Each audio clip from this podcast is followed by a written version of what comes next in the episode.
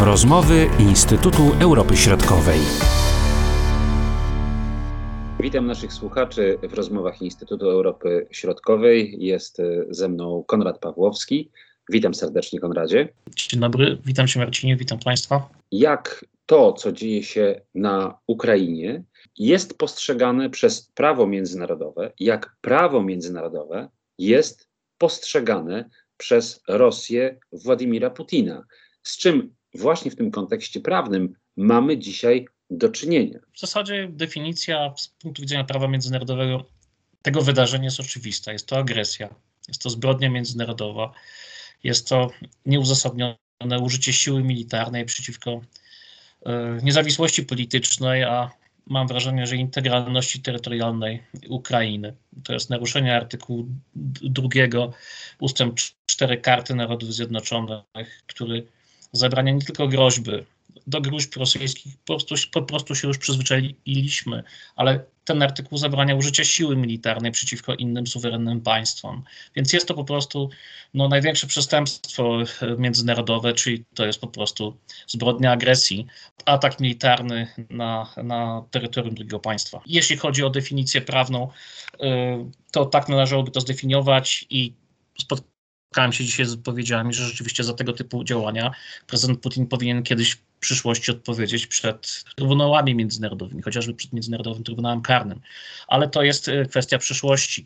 No cóż, wielu dyktatorów, wielu y, przywódców y, nigdy nie odpowiedziało za, za zbrodnie, zbrodnie wojenne.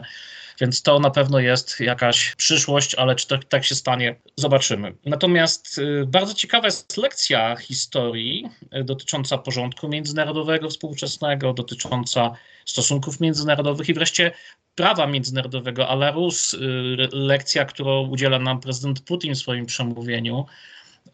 No ja Myślę, że wskaźnik cynizmu tutaj przekroczył 100%, y, powiem, powiem trochę złośliwie. No, w zasadzie to przemówienie zawierało wszystkie elementy. Można byłoby powiedzieć, że według listy y, argumentów, które się pojawiały przez ostatnie lata przeciwko Ukrainie, przeciwko Zachodowi, tam były dosłownie wszystkie, wszystkie elementy. Przypominając tylko niektóre, Putin mówi o ewolucji porządku międzynarodowego. Odwołuje się do Związku Radzieckiego, do rozpadu Związku Radzieckiego, i, i do tego, że no, Zachód y, nieustannie przesuwał granice NATO, przesuwał granice wpływów Zachodu, łamiąc to, co Putin w, akurat w tym przemówieniu tego nie używa, ale we wcześniejszych używał pojęcia e, ładu jałtańskiego. Więc tutaj jakby sens jest absolutnie ten sam. Putin twierdzi, że oto Zachód po zakończeniu zimnej wojny po prostu łamie porozumienia, które zawierane jeszcze zostały zresztą z Józefem Stalinem. To trochę przerażająco brzmi, ale rzeczywiście pojawiają się w, tej, w tych wypowiedziach odniesienia do okresu po II wojnie światowej że Zachód ignoruje interesy Rosji i po prostu łamie zasady porządku międzynarodowego ustalone kiedyś e, obowiązujące w czasie zimnej wojny, e, więc Rosja podąża tymi, tymi samymi ścieżkami według narracji Putina. Putin wyraźnie pokazuje, odwołuje się do, do współczesnej historii, uzasadniając to, co się wydarzyło, odwołuje się do bombardowań Jugosławii, odwołuje się do, do wojny w Libii czy, czy w Iraku, pokazując, że, że to, co dzisiaj widzimy w odniesieniu do Ukrainy, jest w jakimś sensie odbiciem tego, co robił Zachód. Ja nie będę analizował tego, tego porównania, bo po prostu powiem, wydaje mi się ono błędne. I oczywiście pojawiają się odniesienia do wojny z faszyzmem, do II wojny, te narracje znane znane, y, gdzie, gdzie Rosja broni demokracji, świata. Co, co jest ciekawe y, w sensie prawa międzynarodowego, pojawia się w tej wypowiedzi odwołanie do prawa narodów do samostanowienia i prezydent Putin y, wskazuje na to prawo w kontekście Krymu, w 2014 roku. Pokazuje, że jeżeli Zachód zmieniał granice wcześniej, no to my też będziemy zmieniać. I y, co brzmi bardzo niepokojąco, mówi o, mówi o tym, że nikt obywateli Ukrainy nie pytał, czy narody mieszkające na Ukrainie nie pytał o, o to samo stanowienie po rozpadzie Związku Radzieckiego i mówi coś, co brzmi niepokojąco, mówi, że to nie będzie okupacja Ukrainy, ale damy narodom żyjącym na Ukrainie prawo do samostanowienia, powołuje się na prawa człowieka, No, ja obawiam się, że to może oznaczać, że, że, że prezydent Putin będzie chciał wykonać manewr odpowiadający sytuacji na Krymie, że będzie oby nie referendum at the gunpoint, tak jak w marcu 2014 roku i będzie chciał zmienić te granice. Być może to będzie tylko Donbas, tak, te, te dwie separatystyczne republiki, tak zwane. Więc to brzmi, to, to brzmi naprawdę, naprawdę niepokojąco. Powołuje się bardzo cynicznie prezydent Putin na artykuł 51 Karty Narodów Zjednoczonych, gdzie gdzie mówi o samoobronie. No to, to już teraz rozumiemy, dlaczego y, uznano te republiki, po to, żeby można było twierdzić, że oto republiki separatystyczne proszą Rosję o pomoc z uwagi na ten tak zwany genocyd, który tam się dzieje według słów Putina. Ja naprawdę nie, nie chciałbym tego komentować. Jest to po prostu nieprawda. Natomiast yy, i ten artykuł 51 stanowi według prezydenta Putina podstawę do udzielenia pomocy tej, yy, tym republikom zagrożonym ze strony hunty, tego rodzaju tam się pojawiały argumenty. Putin y, grozi światu zachodniemu, grozi wyraźnie, twierdzi, proszę mi się tutaj nie wtrącać, bo jesteśmy gotowi na odpowiedź. No cóż to jest? No, wydaje mi się, że to jest kolejna groźba, która w tym sensie jest bezprawna, ale tym razem grozi prezydent Putin bronią atomową, jak rozumiem. Jest tam też jedno słowo prawdy. Mówi o tym, że relacje między Ukrainą i Rosją y, zostaną ułożone na nowo, po tym jak już ta hunta zostanie obalona tak jak prezydent Putin twierdzi, i że nikt nie ma prawa się tutaj wciskać w te relacje. Więc ja rozumiem tak, kończąc ten y, cyniczny y, ton mojej wypowiedzi, powiem tak, no do, oznacza to wprost, że, że prezydent Putin jest zainteresowany zainstalowaniem w Kijowie jakiegoś prorosyjskiego reżimu. Można powiedzieć, że y, rosyjskie władze naruszyły wszystko, co było do naruszenia, y, dokonując tego y, ataku na suwerenne państwo ukraińskie. I tutaj rodzi się kolejne pytanie, y, a w zasadzie takie niebezpieczeństwo, że ten silniejszy może zdecydowanie więcej i praktycznie w sposób bezkarny w przyszłości tego typu sytuacje mogą się wydarzyć gdzieś indziej na świecie, jeśli Rosja nie zostanie dzisiaj powstrzymana. Mówiąc o prawie międzynarodowym, o polityce międzynarodowej i czymś, e, co tak ogólnie nazywamy jako siła, czyli power, ta relacja między prawem, polityką i siłą, ona jest skomplikowana i ona zawsze e, z punktu widzenia nawet historycznego pokazuje, że większy może więcej. I tutaj cytując Malcolma Showa, e, który stwierdził, że nie, to jest nierozłączna relacja i nie możemy zbyt wiele oczekiwać od prawa międzynarodowego. On stwierdził to oczywiście z pewnym smutkiem, ale no tak, tak faktycznie jest wielkie mocarstwa, które są filarami systemu międzynarodowego, które przynajmniej teoretycznie ten system stabilizują, utrzymują pewien porządek międzynarodowy. No mówimy o systemie stworzonym kartą Narodów Zjednoczonych w 1945 roku, że te mocarstwa miały ten system i porządek chronić.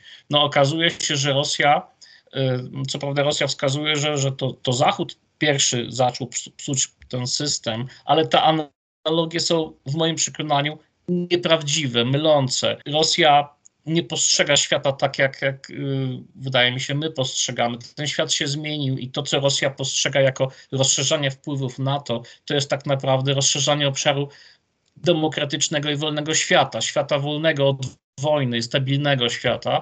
Putin postrzega rzeczywistość, mam wrażenie, w kategoriach zimnowojennych, czy, czy nawet jeszcze wcześniejszych.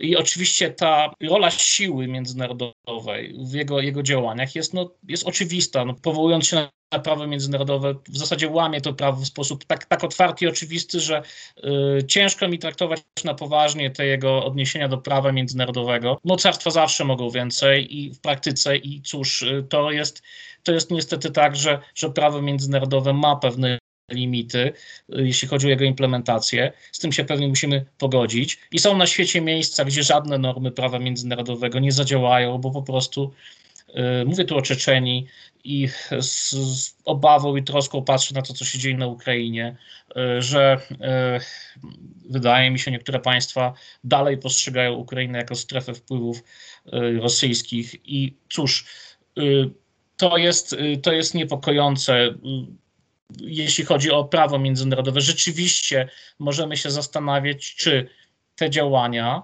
nie wpisują się w pewien trend, czyli trend, gdzie pamiętajmy, że tutaj wojnę zdelegalizowano jako sposób y, działa, działania państw na arenie międzynarodowej. To właśnie artykuł 2, paragraf 4 Karty Narodów Zjednoczonych zakazywał użycia siły militarnej jako instrumentu polityki zagranicznej. Więc y, to y, działanie dzisiaj Rosji, gdzie Rosja otwarcie faktycznie odwołuje się do tego instrumentu siłowego, no, wpisuje się w pewien trend relegitymizacji wojny jako instrumentu polityki zagranicznej. Y, oczywiście tutaj argument dotyczący Iraku, gdzie była to operacja. Poza tym Putin dość, dość no, precyzyjnie wskazuje, że robimy to samo, co w 2003 w Iraku czy w 1999 roku w Kosowie, ale, ale mam wrażenie, że to, co się dzieje dzisiaj, działoby się i bez Kosowa, i bez Iraku, i bez Libii, że to jest kierunek rozwoju Rosji jako państwa. Niestety z przykrością, z przykrością stwierdzam, że, że mam wrażenie, że dużo tutaj wynika z systemu władzy Federacji Rosyjskiej i ta, ta logika, y, która zresztą została dość dobrze opisana w długim y, telegramie y, Kenana, gdzie on wyraźnie stwierdził, że, że z Rosją ciężko się dogadać, wręcz nie można się dogadać, ustępstwa nic nie dadzą, a trzeba to mocarstwo po prostu powstrzymywać. Czy na przykład jest możliwe, żeby Rosja została wykluczona na przykład z Organizacji Narodów Zjednoczonych? Czy może być gdzieś poza nawiasem tych organizacji e, wiodących międzynarodowych, czy takie sankcje w ogóle mogą być brane pod uwagę? Gdybyśmy e, tak e, powiedzieli formalno-prawnie, to nie tylko Rosja, ale parę innych państw powinno zostać wyrzuconych z y, wielu organizacji, łącznie z ONZ-em. Natomiast no, takiej praktyki do tej pory nie było, żeby wy, wyrzucić jakieś państwo z ONZ-u, chociażby z tego względu, że, że historia Ligi Narodów pokazała, że te państwa, które zostały albo wyrzucone, jak Związek Radziecki, y, albo które same wystąpiły, jak, jak y, Niemcy hitlerowskie, że wyrzucanie ich poza nawias pewnych instytucji międzynarodowych po prostu nie jest korzystne dla bezpieczeństwa, bezpieczeństwa międzynarodowego. No, Rosja jest stałym członkiem Rady Bezpieczeństwa. Rosja jest jednym z elementów tego systemu, który jest systemu bezpieczeństwa międzynarodowego stworzonego Kartą Narodów Zjednoczonych. Więc tutaj no, moja odpowiedź brzmi nie. No, nie, można. W, teoretycznie mówię, nie tylko pewnie Rosji by się należało, żeby, żeby zastanowić się nad członkostwem tego państwa, ale, ale nie, praktyka międzynarodowa realpolitik oczywiście e, skłania nas do tego, żebyśmy powiedzieli, że cóż, trzeba będzie w tej Radzie Bezpieczeństwa z Rosją po prostu rozmawiać. Rosja jest elementem systemu. Jeżeli ten system zostanie zburzony doszczętnie, to na jego gruzach powstanie pewnie nowy system. Czy on będzie lepszy? Pewnie nie, bo mam wrażenie, że ten system stworzony w ramach Karty Narodów Zjednoczonych, czyli oparty o, o, o, model suwerennego państwa, to jest system, który gwarantuje małym, średnim państwom bezpieczeństwo przed groźbą właśnie agresji, prawo do suwerenności, do rozwoju. I obawiam się, że e, to, do czego dąży Rosja, ale także Chiny coraz bardziej asertywnie, to jest coś w rodzaju globalnego koncertu mocarstw, który które miałyby decydować o strefach wpływów, o podziale świata faktycznie. Więc czy to jest przyszły system, czy to jest przyszły kierunek? Nie wiem. Żadna epoka historyczna nie powstaje z piątku na sobotę, ale niestety to, o czym mówiliśmy, o takim otwartym łamaniu prawa międzynarodowego i, i pokazywaniu, że to jest strefa wpływów. Przepraszam, a gdzie tu jest Ukraina? Gdzie tu jest suwerenna Ukraina? Tutaj w tej rozmowie w ogóle nie pojawia się stwierdzenie, że Ukraina jest suwerennym państwem, tak jak i Federacja Rosyjska, która też powstała w wyniku rozpadu. I może jeszcze jedną ważną rzecz bym tutaj dodał, że y, świat, państwa europejskie, ale nie tylko, uznały te państwa, które powstały z rozpadu tych wielkich federacji, czyli mówię o Związku Radzieckim, ale także o Jugosławii, Socjalistycznej Federacyjnej Republice Jugosławii. Te państwa powstały w, opar w oparciu o zasadę prawa międzynarodowego, granice tych państw. Zasada uti possidetis juris, czyli tak jak posiadacie. I te państwa były uznane według tych granic. Czy te granice były, powiem wprost, mądre czy głupie, to jest inna sprawa, bo, ale one gwarantowały pewną stabilność. One były już w ramach tego federalizmu komunistycznego te granice po prostu funkcjonowały y, i zostały tak uznane. I prezydent Jelcyn nie miał problemu y, z granicami Ukrainy. Prezydent Putin ma problem ze wszystkim, no, włącznie z takimi cynicznymi argumentami, że oto granica y, Ukrainy w, w, na wschodzie została poszerzona o Donbas, żeby wzmocnić klasę robotniczą na, na rolniczej Ukrainie to są argumenty, które ciężko jest komentować e, na, na poważnie, bo e, gdyby e, wiele granic oczywiście nie odzwierciedla kwestii etnicznych, ale jeśli prezydent Putin tak cynicznie popiera prawo do samostanowienia, które zresztą interpretuje według jego własnego kryterium, mówię o Krymie, 14 rok, jeśli popiera prawo do samostanowienia na Krymie, to dlaczego nie poparł tego prawa w Czeczenii? No, bądźmy tutaj sprawiedliwi, dwie wojny, y, krwawa wojna w Czeczenii, więc y, popiera prawo do samostanowienia cynicznie na, na Ukrainie. Obawiam się, że niestety to jest nie koniec tego, tego, tego, tego y, modelu prawa do samostanowienia, o którym prezydent Putin mówi, a jednocześnie chroni integralność terytorialną Federacji Rosyjskiej, czyli popiera, y, odwołuje się do zasady poszanowania istniejących granic państwowych. To pokazuje pewien absolutny cynizm i używanie argumentów prawnych w sposób, który, który po prostu cynicznie odzwierciedla interesy polityczne w danym momencie. To nie ma wiele wspólnego z prawem międzynarodowym. Można powiedzieć, że dzisiaj prawo międzynarodowe jest odstawione na bok a mamy do czynienia z brutalną siłą. Brutalną siłę właśnie oglądamy, to co dzieje się właśnie na Ukrainie. I zobaczymy, jak ten kurz już opadnie i co wtedy, jakie normy będą obowiązywały, no i jaki będzie finał. Gdybyśmy się cofnęli o te 8 lat, do 2014 roku, to y, pytanie, dlaczego y, doszło do, do protestów, do rewolucji godności, Oczywiście wiele było powodów politycznych, ekonomicznych, ale mam wrażenie, że ci młodzi ludzie e, ponakładali te kaski i poszli, poszli, bo po prostu byli przeciwni prorosyjskiemu, prowschodniemu kierunkowi polityki zagranicznej Ukrainy z czasów, z czasów prezydenta Janukowycza. Pamiętajmy, że miało być podpisane porozumienie o współpracy z Unią Europejską. Janukowicz się rozmyślił ostatecznie. I y, po prostu ci ludzie, którzy mam wrażenie mieli inne zdania na temat kierunku polityki zagranicznej Ukrainy, wyszli, żeby zaprotestować. I te 8 lat y, to, było, to był okres y, suwerennej Ukrainy, tak jak, jak y, ja rozumiem pojęcie suwerennego państwa. I to była rewolucja godności dotyczyła, no, czy, czym jest właśnie suwerenność państwa w polityce zagranicznej? To właśnie możliwość wybierania kierunku tej polityki, członkostwa w w organizacjach podpisywania umów międzynarodowych. Prawda? Tutaj przecież y, to jest właśnie suwerenność. I mam wrażenie, że suwerenność według prezydenta Putina będzie polegała na tym, że Ukraina wróci do modelu y, z czasów prezydenta Janukowycza, że to będzie jedyna słuszna suwerenność, która będzie polegała na tym, że Ukraina będzie rozwijała stosunki międzynarodowe z Rosją, na wzór czy podobieństwo Białorusi. No to nie jest suwerenność. To jest to jest niekończący się bój y, między politologami i prawnikami, czy PRL była państwem suwerennym. W sensie formalno-prawnym była, w sensie politycznym nie była. Trzymajmy kciuki za, y, za suwerenną Ukrainę, prawdziwie suwerenną Ukrainę. Dziękuję za rozmowę. Mówił Konrad Pawłowski, Marcin Superczyński. Do usłyszenia. Były to rozmowy Instytutu Europy Środkowej.